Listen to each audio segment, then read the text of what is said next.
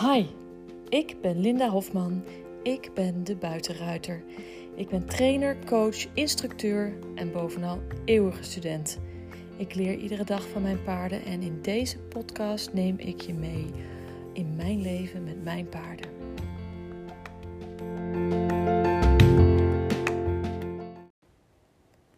Goedemorgen. Het is uh, zondagochtend 7 uur en ik zit in een hotelkamer in Amsterdam. En uh, mijn man is uh, de deur uit. Die is aan het kijken of we al ergens een kopje koffie kunnen krijgen. Want uh, om acht uur is pas ontbijt en we hebben toch allebei wel zin in koffie. Want dat is het eerste wat we doen normaal s ochtends. Samen een kopje koffie drinken. Maar hier in Amsterdam lijkt het alsof de wereld nog um, afgesloten is. zo s ochtends vroeg.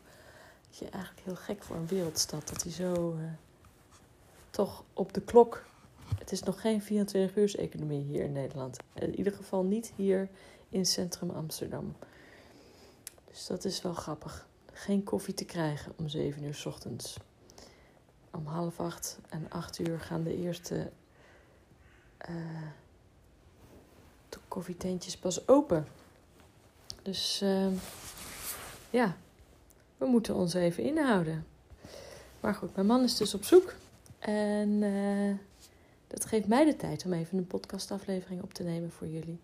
Want dat doe ik natuurlijk uh, iedere ochtend. Dus ook op zondagochtend als ik een weekendje weg ben. Ik heb super slecht geslapen, joh. Het is die stadlawaaien, dat ben ik helemaal niet meer gewend ik ben natuurlijk gewend aan Zutphen en Velp. En uh, nee, dat is super stil. Vanaf 11 uur s'avonds is alles stil. Misschien al wel eerder.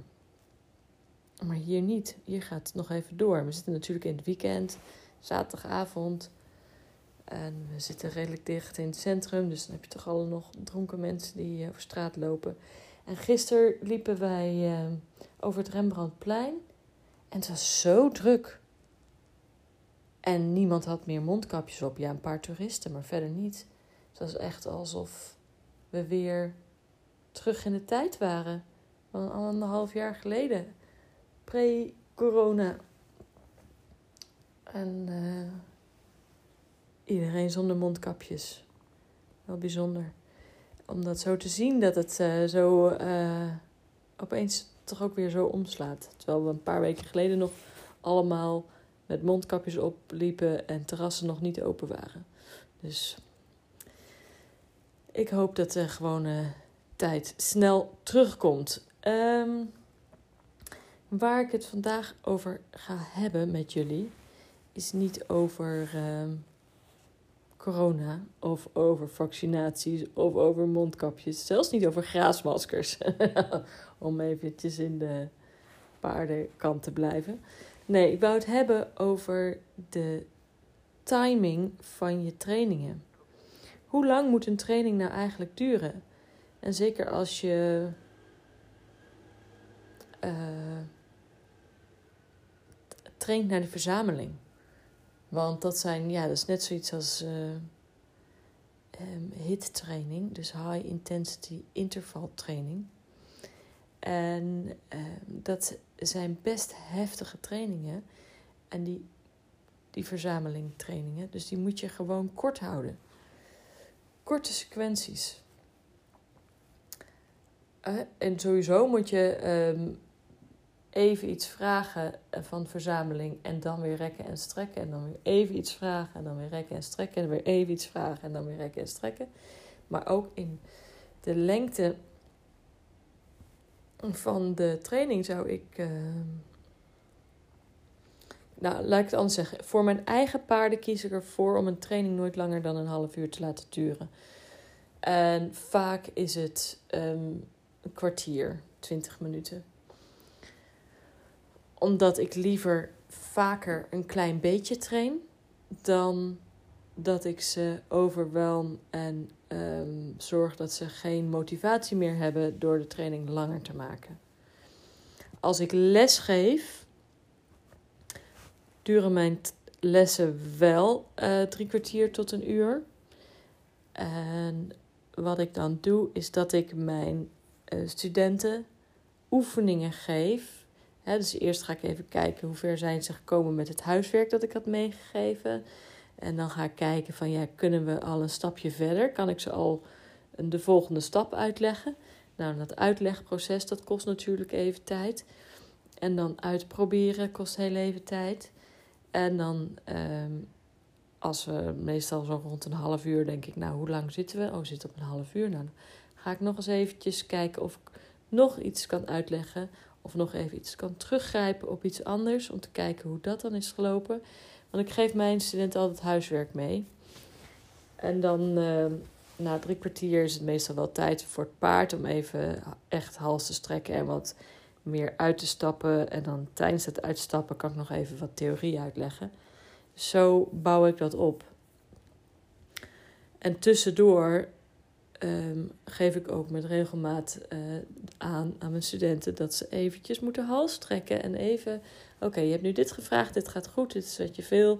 Nu loslaten en die release geven. Want behalve leren hoe ze iets moeten opbouwen, moet ik ze ook vooral leren hoe vaak je een beloning geeft. En dat doe je eigenlijk veel vaker dan, ehm, dan je zou denken. En dan leg ik het wel eens uit als, ehm, als je paard iets heel goeds doet. Het is een beetje alsof jij op school een geweldig werkstuk hebt gemaakt of een geweldige presentatie hebt gegeven. En jouw docent zegt: Oh, wauw, hier krijg je een 10 voor. Dit vind ik helemaal geweldig. En weet je wat? Als beloning mag je er nog een maken. Ja, nou, dat is dus niet echt beloning. dat is meer straf. Um, dus wat is beter om te zeggen is: als beloning mag je er niet nog een maken, maar als beloning heb je de rest van de middag vrij. geef je paarden vrij. En geef ze soms ook een dag waarop je niet traint, een rustdag.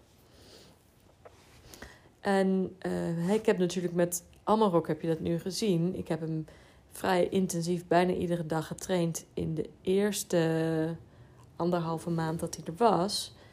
En nu heb ik hem gewoon alweer een dikke maand al, rust gegeven. Omdat ik zag dat hij zo moe was en veel aan het slapen was. En ik laat hem nu gewoon slapen. En ik weet dat nu is ook nog een keer de buitenbak onder constructie. Dus uh, heb ik geen omheind stuk waar ik in vrijheid met hem kan werken. Dus dat maakt het logistiek ook even lastiger. Maar los daarvan is het ook heel goed om hem gewoon even echt de rust te geven. Hij is jong en moet allemaal even bezinken. Hij heeft het geleerd. Dat betekent dat als ik het over een paar weken oppak, dan is het van: oh ja, dat was zo. Oh ja, was zo. En dan met twee trainingen zijn we er weer. En dan weet hij het alweer. Dus het is heel belangrijk om uh, je paard veel rust te geven en die trainingen niet te lang te laten duren. Zeker niet als je intensieve trainingen doet. En zeker niet als je ze nieuwe dingen leert.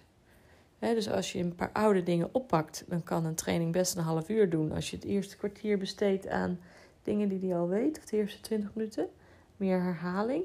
En dan ga je iets nieuws doen. Dat is goed, maar dan moet dat nieuwe moet niet te lang duren. En soms moet je dat nieuwe uh, zo kort laten duren dat. Uh, je stopt bij de eerste keer dat je paard het goed doet. Je vraagt iets nieuws uh, en dan doet hij het en dan geeft hij het.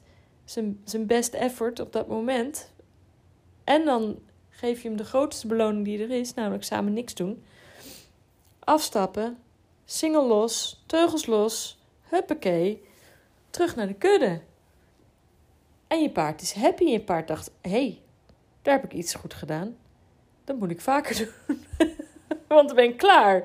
Dus uh, motiveer ze daarmee door dus op tijd te stoppen.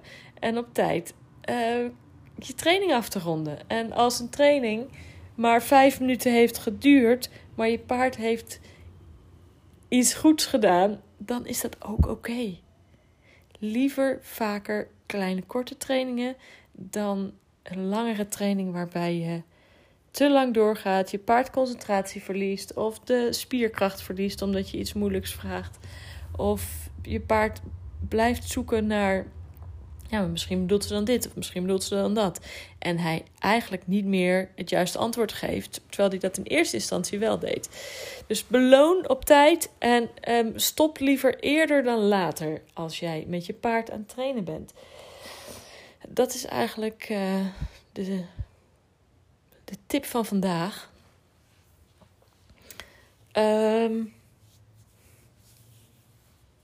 wat wilde ik verder nog vertellen? Ja, verder eh, had ik natuurlijk verteld over die um, videolessen en die in combinatie met misschien het online programma dat ik uh, um, aan het ontwerpen ben. Want ik ben nu nog ja, nu helemaal niks. ik zit lekker in Amsterdam een weekendje niks te doen. Dus ik ben helemaal niks aan het ontwerpen. Maar dat heb ik, eh, vrijdag heb ik dat helemaal uitgedacht, hoe ik dat opgebouwd wil hebben. En uh, dus dat is misschien niet voor uh, studenten die wat verder weg wonen en zoiets hebben van ja, ik wil wel zelfstandig aan het werk gaan. Maar ik wil niet met mijn paard op en neer hoeven rijden. Of ik wil niet de reiskosten van Linda er ook bij opgeteld hebben. Want dan wordt het me allemaal een beetje te gek qua prijs, dan is dat ideaal. Dan kun je zelfstandig aan de slag. En dan moet ik dus nog even op zoek naar een goed platform waarmee ik dat kan opzetten. Er zijn een aantal mogelijkheden. Ik ben dus even aan het, uh, aan het kijken wat mij het beste zou passen. Uh, maar dat is een online programma dat je dan zelf volgt uh, met videolessen en de podcastafleveringen en de blogs die dan aansluiten op bepaalde lessen. Uh, moet het e-book ook nog afschrijven, daar ben ik nog mee bezig. Het gewone boek nog afschrijven, daar ben ik ook nog mee bezig. Dus ik heb hartstikke veel op mijn bordje gehaald weer. Maar ik dacht, ja, die, uh, dat online programma, dat is misschien toch wel een goed idee om dat even um, um, ook op te gaan zetten. Dus ik weet precies welke video's ik allemaal moet gaan maken en dingen gaan uitleggen. Zodat ik dat op kan gaan zetten. En daar komt dan, dat ga ik dan in de markt zetten voor echt voor een kleine prijs, zodat het voor iedereen betaalbaar is en iedereen dat kan doen. Dat, dat, dat geld geen belemmering hoeft te zijn, zeg maar. En als je dan toch nog wat feedback van mij wil, kun je die videolessen doen. En dan kun je ook meedoen met de live QA met de studenten. En krijg je feedback op je video's. Dus dan kun je dat een beetje uitbouwen op het moment dat je toch feedback van mij persoonlijk wil. En niet alleen maar uh, zelf studie met de video's van het online programma. Dus uh, daar ben, dat ben ik aan het uh, opzetten en uitbouwen. En aan het bedenken hoe ik dat dan wil. Of ik daar zelf een online platform wil bouwen. Of ik mee wil liften op iemand anders online platform. Of dat ik zeg, nou weet je wat, ik ga het gewoon via een Facebookgroep doen waar ik video's um, inzet. En dat je je daar daar dan aan toegevoegd wordt. Dat is misschien nog wel de goedkoopste oplossing, maar ik heb niet zoveel met Facebook. Dus dat is een beetje mijn ding. Uh, ik heb uh, niet zoveel meer te vertellen voor vandaag. Um, volgend weekend is al het weekend voordat ik op ponykamp ga.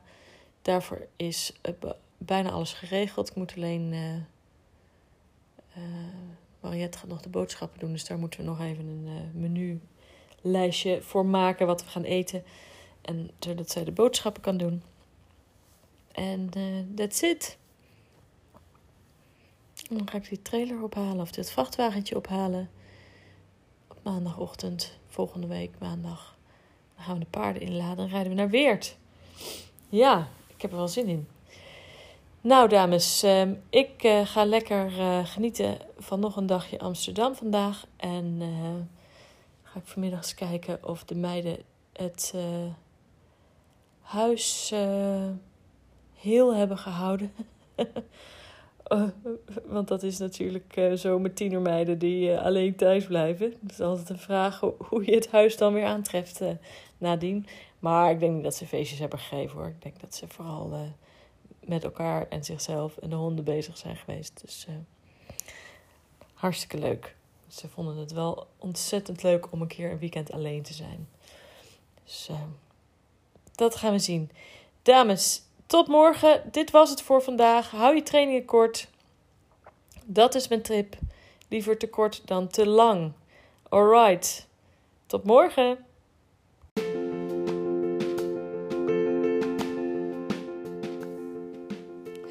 Leuk dat je geluisterd hebt naar deze podcast. Wil je mij een plezier doen en een review achterlaten op een van de kanalen waar je deze podcast hebt geluisterd?